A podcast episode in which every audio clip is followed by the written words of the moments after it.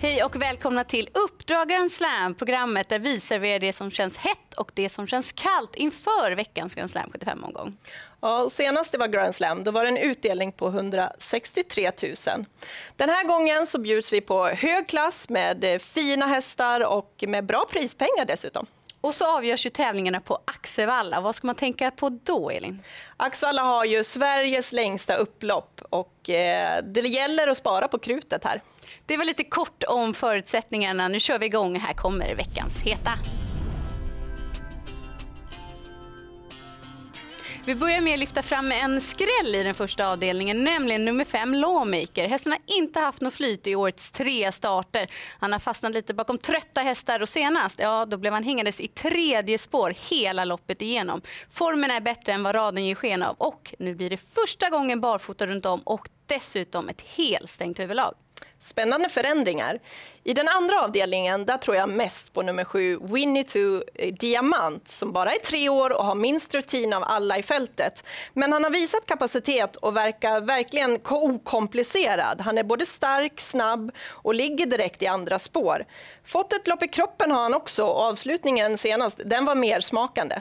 Och I den fjärde avdelningen så tror vi på en häst som tyvärr inte fick visa sin fina avslutning senast. Han gick istället i mål med mycket krafter sparat. Mm, det var nummer 11, Digital Crunch, som med Hanna Läderkorpe har tagit två segrar. Och då har det varit ganska överlägset. Han har också mycket mer att ge, känns det som, och eh, hämta. Och går vi till den femte avdelningen så har ju Björn Goop vunnit guldstot fyra gånger tidigare. Men den senaste segern, ja det var för 15 år sedan.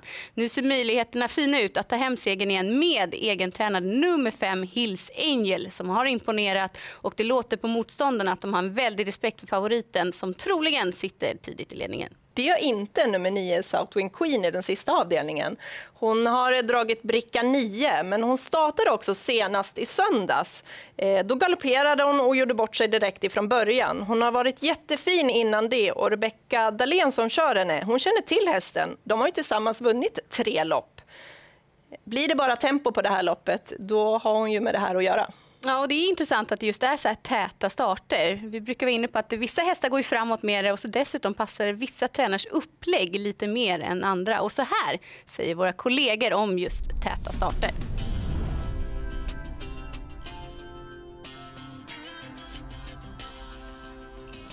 Ja, en del hästar är såklart gynnsamt om de får ett par lopp i kroppen och då startar ganska så tätt. Framförallt om de har suttit fast, låt säga två, tre gånger på raken.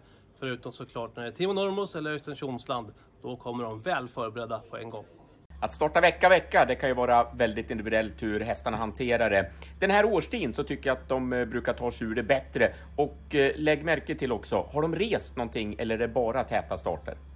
Jag tycker att det är på V75 en äldre häst fördelaktigt ofta. Men jag brukar alltid gå in och kolla statistiken. Hur brukar hästen gå när den har startat tätt? Ja, det känns ju som att det verkligen kan bli en positiv effekt på vissa hästar och jag tror ju att Southwind Queen kommer gynnas av det här. Mm, då lämnar vi våra heta och går vidare i programmet. Här kommer veckans kalla.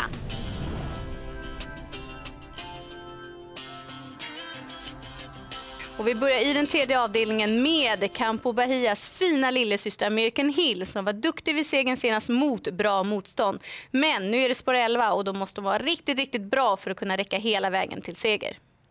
Och I den fjärde avdelningen där hittar vi nummer 6, Artico Sack. Det är en italiensk häst som vi inte har sett här i Sverige. Och han har inte varit speciellt länge hos Björn Goop och därför blir lite svårbedömd. Vi har varit inne i det italienska lopparkivet och tittat. Och där öppnar han bra, men han visar också en hel del osäkerhet och mycket galopper. Och dessutom känns väl den långa distansen som ett frågetecken också? Ja, det är ju känslan. Ja, och går vi till den avslutande avdelningen så startar nummer två Mass Capacity. Det är en jättekapabel häst, men han strular ofta till det. I de senaste sju starterna så har han ägnat sig åt galopp i sex av dem. Och det känns som en tuff uppgift för körande Kajsa Ljunghager att försöka få honom felfri. Så vad tar vi med oss inför söndagens omgång på Axevalla? Jag tar med mig i den fjärde avdelningen nummer 11 Digital Crunch som har sett formstark ut här på slutet. Ja, och jag säger ju då nummer 5 Lawmaker i den första avdelningen. Det är ju jätteintressanta ändringar på honom. Ja, se upp med den. Lycka till med Grand Slam 75-spelet så ses vi snart igen.